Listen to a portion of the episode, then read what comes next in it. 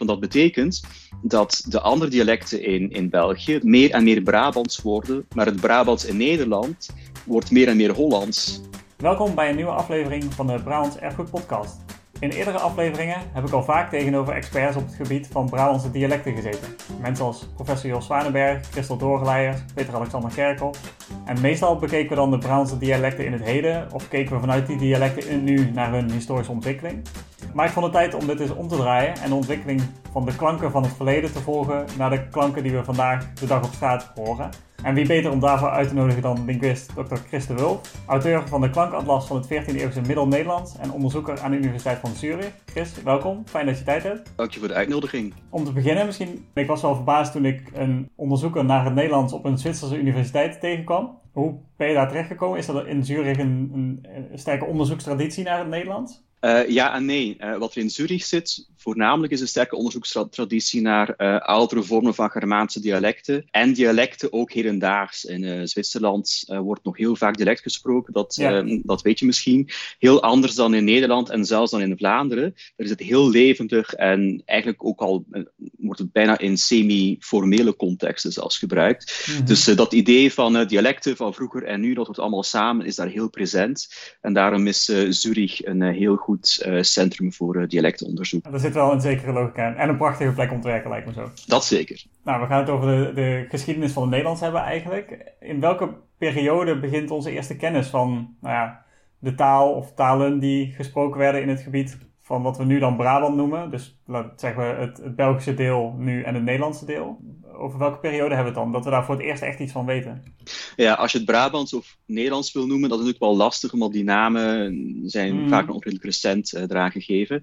Uh, maar als je iets herkenbaars zoekt, waar we ook veel sporen van hebben, dan zitten we al in de Oud-Nederlandse periode of de Middel-Nederlandse periode.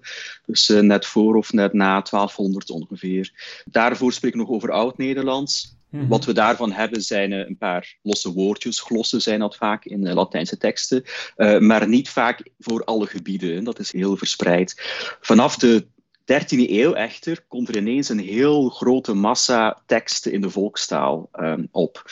Um, een grote verandering, de verstedelijking in de mhm. middeleeuwen. Heel veel mensen die niet naar school zijn geweest om Latijn en Frans te leren, die hebben een beetje geld, die doen allerlei transacties. En om heel die administratie te ondersteunen, ontwikkelt er zich een heel groot administratief apparaat in het Nederlands, lokaal. En in die tijd krijgen we een overvloed aan teksten uit uh, de lage landen, alle gebieden, onder meer ook Brabant. Echt in de middeleeuwen dat dat pas echt sporen begint te krijgen, zeg maar. De sporen die nu nog tastbaar zijn. Uh, ja, wat we van voordien hebben, ja. hebben we ook in de mondeling over, overlevering, want de dialecten van mm -hmm. nu zijn, gaan ook ergens terug op uh, Oud-Nederlands, uh, Germaans, in de Germaans.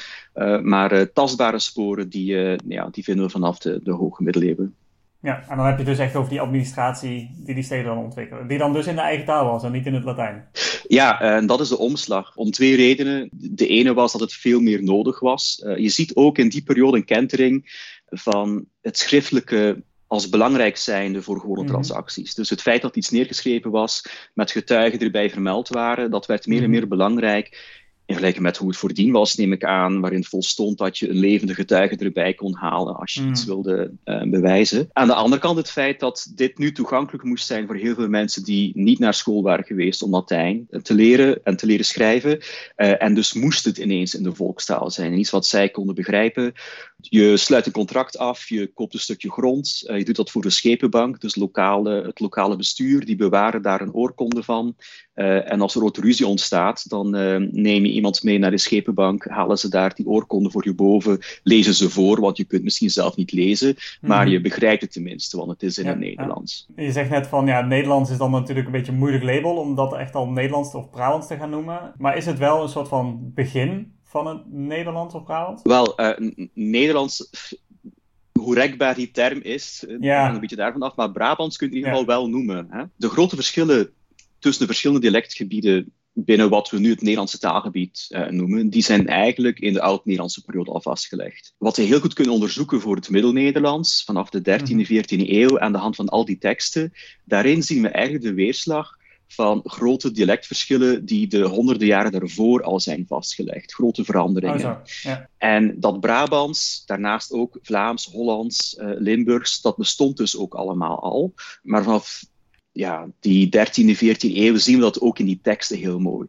Dus Brabants is eigenlijk wel ouder dan wat we uiteindelijk Nederlands zijn gaan mhm. noemen. Als je de standaardtaal verstaat onder Nederlands, dan duurt het nog een tijdje voor je daar ja, iets vergelijkbaars voor vindt. Maar voor de middeleeuwen en ook de oud-Nederlandse periode kun je wel gemakkelijk spreken van uh, de voorlopers van onder meer het Brabants. Ja, wat zijn dan die verschillen die, die daarin tot uiting komen? Kun je daar een voorbeeld van geven? Brabants is eigenlijk een soort een overgangsdialect voor een aantal dingen. Mhm. Het is heel centraal. Wat dan vaak Brabants is, als je dat wil herkennen in Middel-Nederlandse teksten, dan moet je op zoek naar dingen die niet Hollands zijn, niet Vlaams, mhm. niet Limburgs en niet Saxisch. Andere dingen uitsluiten. Ja, en wat er overblijft is Brabants. Want het ligt centraal. Dus het heeft heel vaak mhm kenmerken gemeenschappelijk met ofwel het Vlaams, ofwel het uh, Limburgs enzovoort. Wat voor het Brabants heel specifiek is, dat zijn een aantal kleine dingetjes, een aantal positieve kenmerken. Je ziet bijvoorbeeld spellingen als uh, dos en vrocht voor dus en vrucht. Uh, dat, dat, zit ook ergens in die uitspraak. Een ander belangrijk kenmerk uh, zijn gevallen van wat we umlaut noemen. Dat is eigenlijk nog iets anders dan wat je, wat je erbij voorstelt. Dat zijn die puntjes mhm. op Duitse woorden. Ja, maar dat, maar dat, gaat, nog veel, het gaat nog veel verder dan dat. Het komt eigenlijk om neer dat gaat over klankverschillen. Wanneer je Nederlands groen hebt of een naam als Maarten, vind je in de mm. Brabants dialecten niet echt het Westen, maar de andere wel. Groen en Meerten, Maart is Meert, Kaas is Keis uh, enzovoort. Mm. Dat is umlaut. Dus de Brabantse variant daarvan, die heeft een klankverandering ondergaan die in het, uh, de Vlaamse en de Hollandse dialecten niet is gebeurd. En dat er ook niet in standaard Nederlands is overgenomen. Maar dat vind je in het Brabants, een groot deel ervan, maar ook in het Limburgs. Wat nu voor het Brabant specifiek is, ja, kijk, als je in een middeleeuwse tekst ziet dat er staat zuiken met een U geschreven of groen, dan is de kans al wat groter dat dat een Brabantse tekst hmm. is. Hè? En als dat uh, niet zo is, dan komt die wellicht van, uh, uh, van elders vandaan. Dus als het ware, voor de klank is dat als het ware alsof die omnoot er wel staat, eigenlijk? Ja, die puntjes die je in het Duits schrijft, dat is eigenlijk maar een mhm. overblijfsel dat dan aangeeft, dat er is een iets andere uitspraak van deze klank dan wanneer je hem gewoon zou schrijven. als, je, als je een U zonder puntjes schrijft, zeg je in het Duits een U. Met puntjes zeg je, ah, dat is een aangepaste U, dus een U. En daar bestaan ook andere manieren voor om wat verschillen weer te geven. En voor het Nederlands is dat de tegenstelling tussen OE en UE bijvoorbeeld. Uh, als je een O schrijft of OE, spreken we een U uit. Als je mhm. een U schrijft, spreek je ja, een U uit, duidelijk. En dat verschil zien we al in spellingen, in Brabantse spellingen, ja, in de 13e en de 14e eeuw. En natuurlijk ook nog in het Limburgs. Wat Brabant specifiek maakt, wat die spelling betreft, dat is weer dat contact of die ligging dicht bij Vlaanderen en Holland het idee dat je dat spellingverschil tussen de klank oe en u met die letters OE en UE weergeeft, is eigenlijk een mhm. Vlaams idee. Daar was eigenlijk een heel eenvoudig fonetisch systeem, waarmee ik bedoel, die hadden gewoon minder klanken. Die hadden minder vocalen mhm. dan uh, meer in het oosten. En daar kon je veel meer één op één weergeven. Eén manier van schrijven is één en dezelfde klank. In het Limburgs ging dat hoegenaamd niet, onder meer doordat doordat uh, die umlaut daarvoor kwam, er veel meer verschillende klanken waren. Ze hadden ook veel meer verschillende soorten e's bijvoorbeeld. De e van keis en de e van wegen en de e van uh, beek. Dat waren allemaal verschillende soorten e's met heel subtiele verschillen. Of ze in de spelling konden weergeven of niet, mhm. is niet zo heel duidelijk. Maar wat je in Brabant dan aantreft, is dat wat complexere systeem zoals in het Limburgs, maar met het idee dat je het wel wat meer precies kunt gaan spellen zoals in het Vlaams.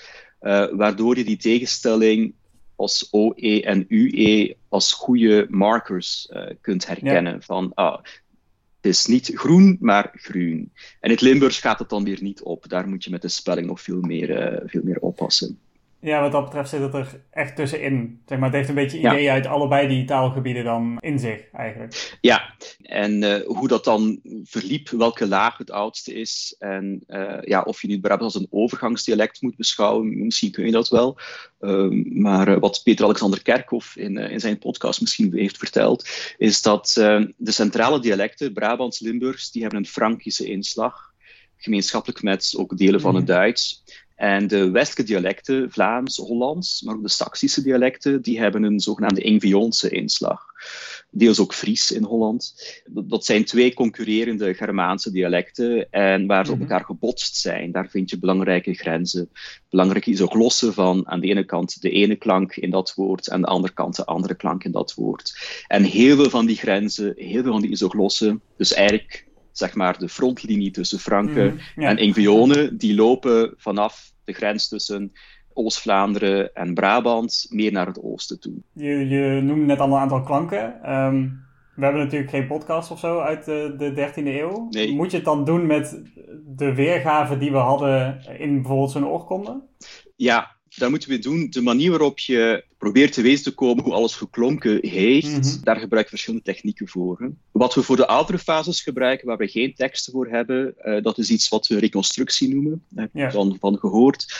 Uh, stel, je hebt bijvoorbeeld het woordje vader, dat komt in heel veel Germaanse talen voor en lijkt altijd een beetje op vader. Ja. Dat lijkt dan een beetje minder, maar toch nog redelijk goed op het Latijnse pater. En als je die allemaal gaat vergelijken, alle talen die verwant zijn, de Germaanse, maar daarnaast ook Germaans en Romaans uh, enzovoort, dan kun je de uh, Indo-Germaanse en Germaanse voorouders reconstrueren. Je kijkt gewoon naar de grootste gemene deler. En zo mhm. weten we dat uit Indo-Germaans pater, dat daar Germaans fafar uitgekomen is en daaruit dan vader, vader, vater in het Duits enzovoort. En dat is de techniek die we voor die oudere fases gebruiken, tot en met het Oud-Nederlands, waar we weinig tekst uh, van hebben. We mhm. kunnen die ook gebruiken voor wat daarop volgt, maar we hebben nog twee andere bronnen. En de ene is dus die teksten met spelling, spellingvormen. En de andere bron die we hebben zijn de hedendaagse dialecten. Uh, en die spelen ook nog steeds een rol. Uh, want mhm. wat blijkt, de belangrijkste grenzen tussen onze dialectgebieden die lagen al vast in de oud-Nederlandse periode, dus nog voor 1200. En heel veel van die grenzen herkennen we nu nog steeds.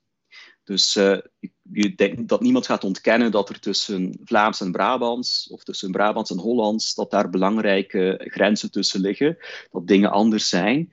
Dus die grenzen zijn oud, die moeten dus in de 13e, 14e eeuw daar ook al gelegen hebben. Wat wel veranderd is, is de individuele klankkleur misschien van de klanken, die dan binnen elk gebied uh, gesproken uh, zijn. Maar als we die drie bronnen samenleggen, nadenken over wat kan samenhoren door middel van reconstructie, gaan kijken welke spellingverschillen zien we tussen die verschillende uh, gebieden.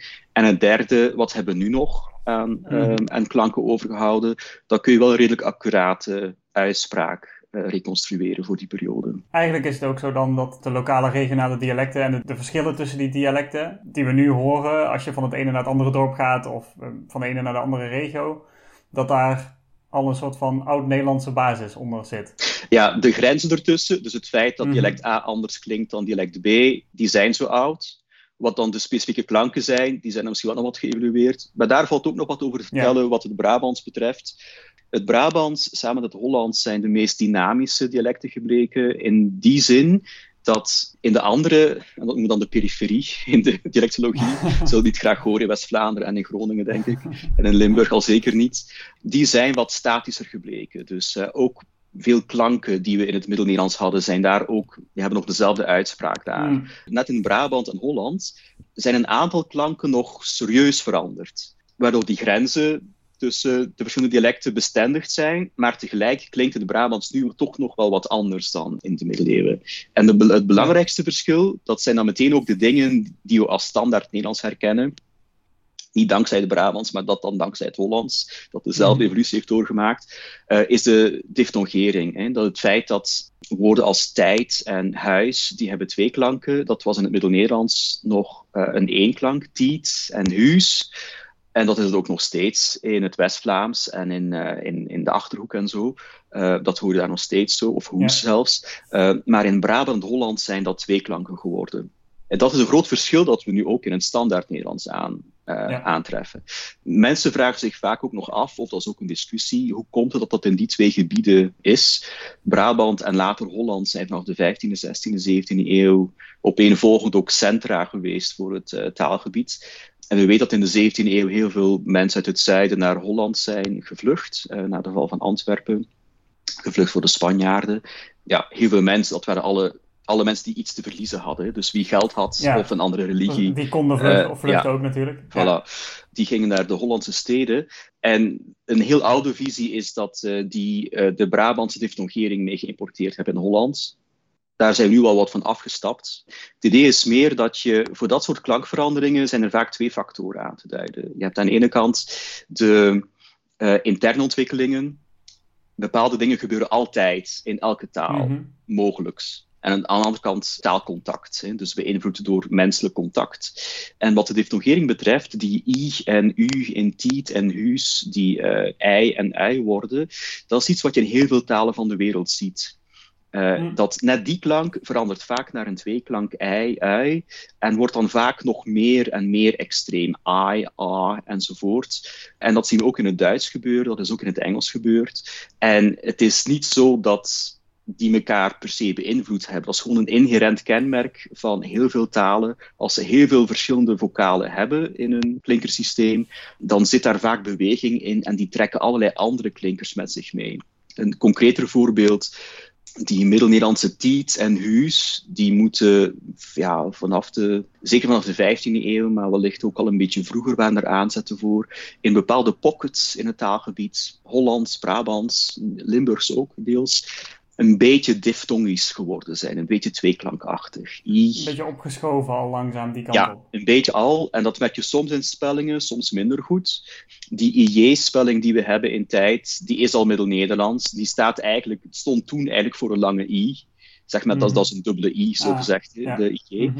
Ja, daar zien we dus niet zo heel veel aan, maar soms vind je verschrijvingen dat de klank in tijd dan met EY geschreven wordt, per, per ongeluk. Ja, um, en ja, daar, daar merk je het dan al aan. Dat is gebeurd uh, onafhankelijk van elkaar in Brabants, Hollands. Maar natuurlijk toen uh, heel veel Brabanders gevlucht zijn naar uh, Amsterdam, Leiden, Den Haag. En dat waren heel vaak begoede mensen. Uh, dan komt die tweede factor ook nog een rol spelen, namelijk taalcontact. En als je dan ziet, is dat je bent daar een uh, Amsterdammer en je hebt in jouw dialect al de neiging om tiet als tijd uit te spreken. En dan komen er nog wat uh, chique Brabanders die eigenlijk hetzelfde doen, of nog erger. Dan mhm. ga je zelf ook niet meer schamen, of dan ga je dat je neemt het niet over, maar je laat gewoon uh, de natuur zijn uh, gang gaan zonder, uh, ja. zonder stroom.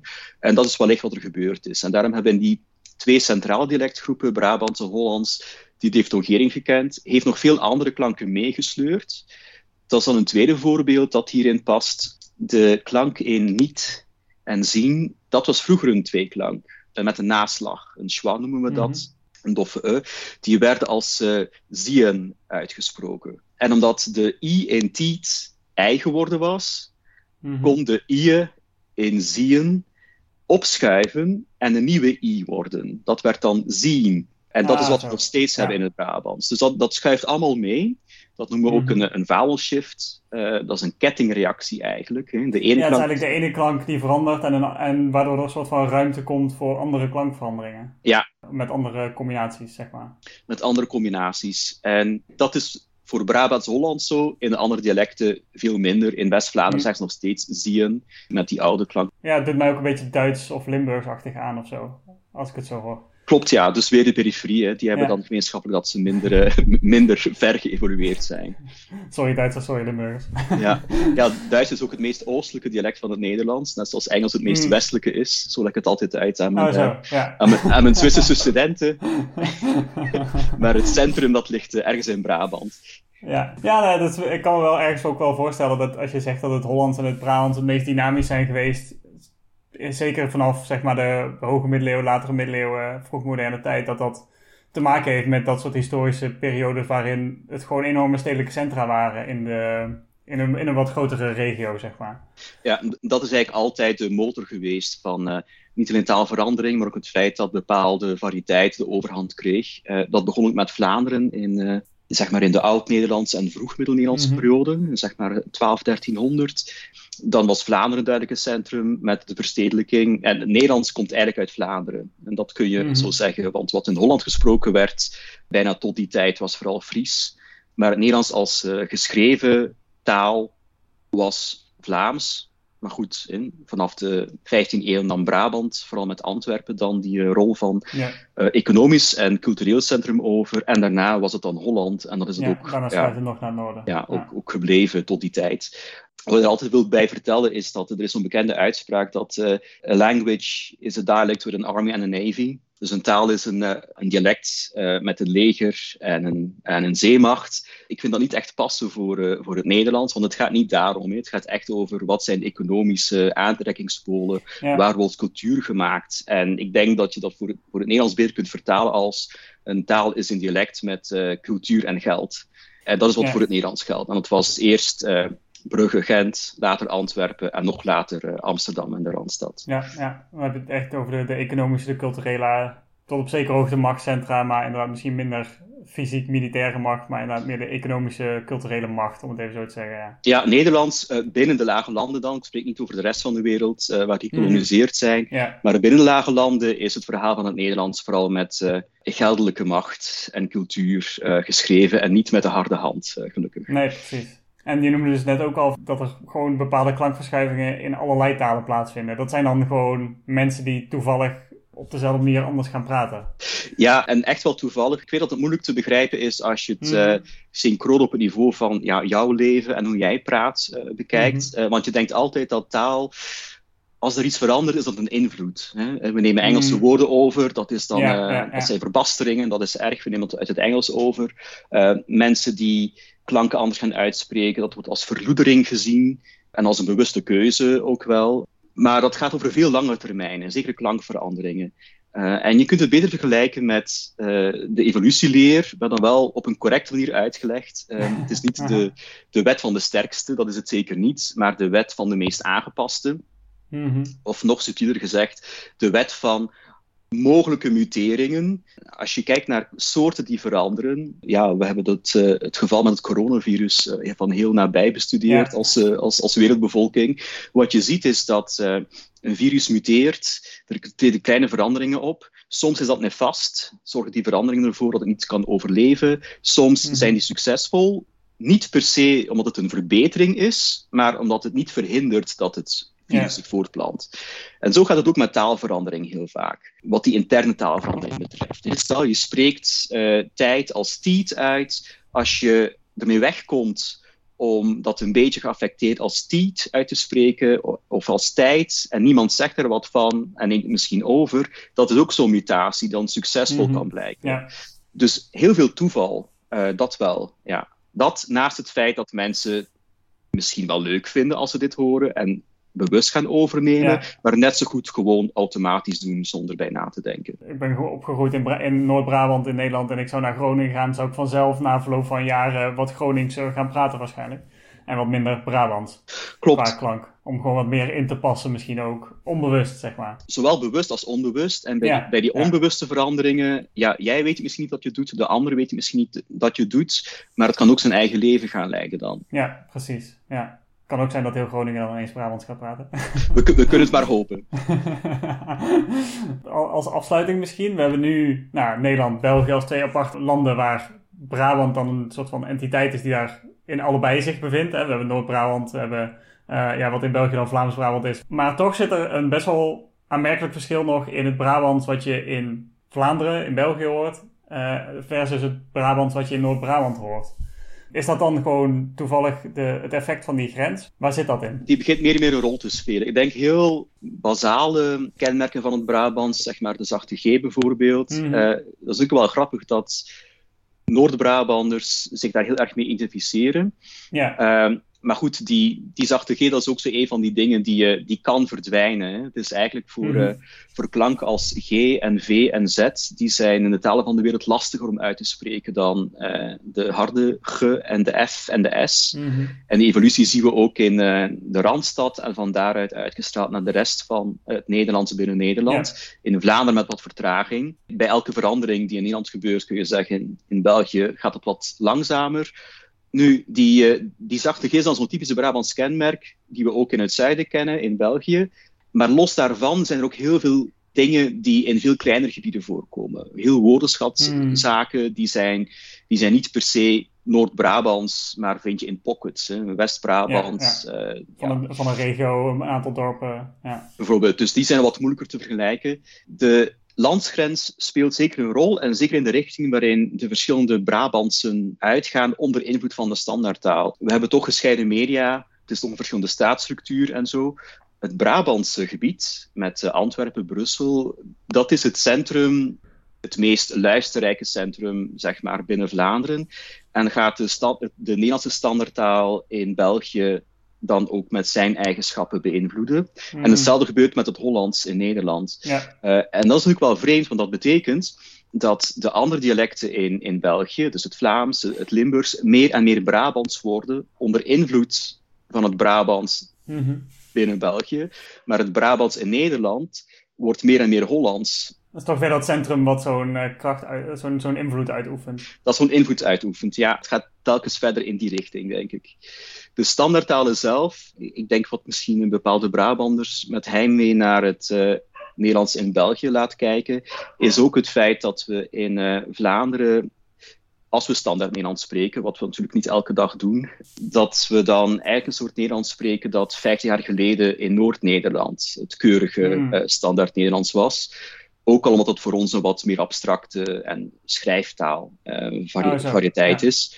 Terwijl in Nederland de ook standaardtaal is eigenlijk een omgangstaal. Mensen spreken dat dagelijks. En daarom evolueert het ook. Een schrijftaal kan moeilijker evolueren dan iets wat je dagelijks gebruikt. Ja, um, en uh, dat verschil zie je, die twee uiteendrijvende variëteiten, zie je heel goed als je naar het Brabants alleen kijkt. Nederlands-Brabants wordt meer Nederlandser en Belgisch-Nederlands wordt meer Brabantser. Brabantser, ja, ja. ja, ja, Fascinerend hoe dat allemaal met elkaar uh, te maken heeft. Maar hoe je dat dan toch weer als onderzoeker, of als een hele hoop onderzoekers denk ik, uit elkaar kan trekken en uh, de, de trends erin kan zien. Ja, uh, echt wel dat. Want ik ben natuurlijk ook maar voort, niet alleen op mijn eigen dingetjes, maar wat ik bij anderen dan heb gelezen. Ja. Want je moet het met een hele groep doen en mekaars bevindingen met elkaar gaan vergelijken om het grote verhaal te kunnen schrijven. Precies nou, in ieder geval heel erg fijn dat je jouw kennis, wat toch aanzienlijk was, denk ik, voor heel veel mensen, uh, met ons gedeeld hebt en dat je daar tijd voor had. Dankjewel, heel graag.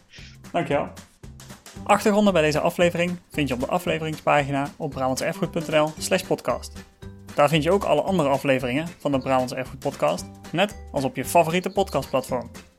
Vergeet ons daar dus niet toe te voegen en je krijgt de volgende aflevering vanzelf in je feed. En als je deze podcast nu de moeite waard vindt, Laat dan meteen even een review achter. Wil je op de hoogte blijven van al het nieuws dat op brabantserfgoed.nl verschijnt? Abonneer je dan op onze nieuwsbrief via brabantserfgoed.nl nieuwsbrief.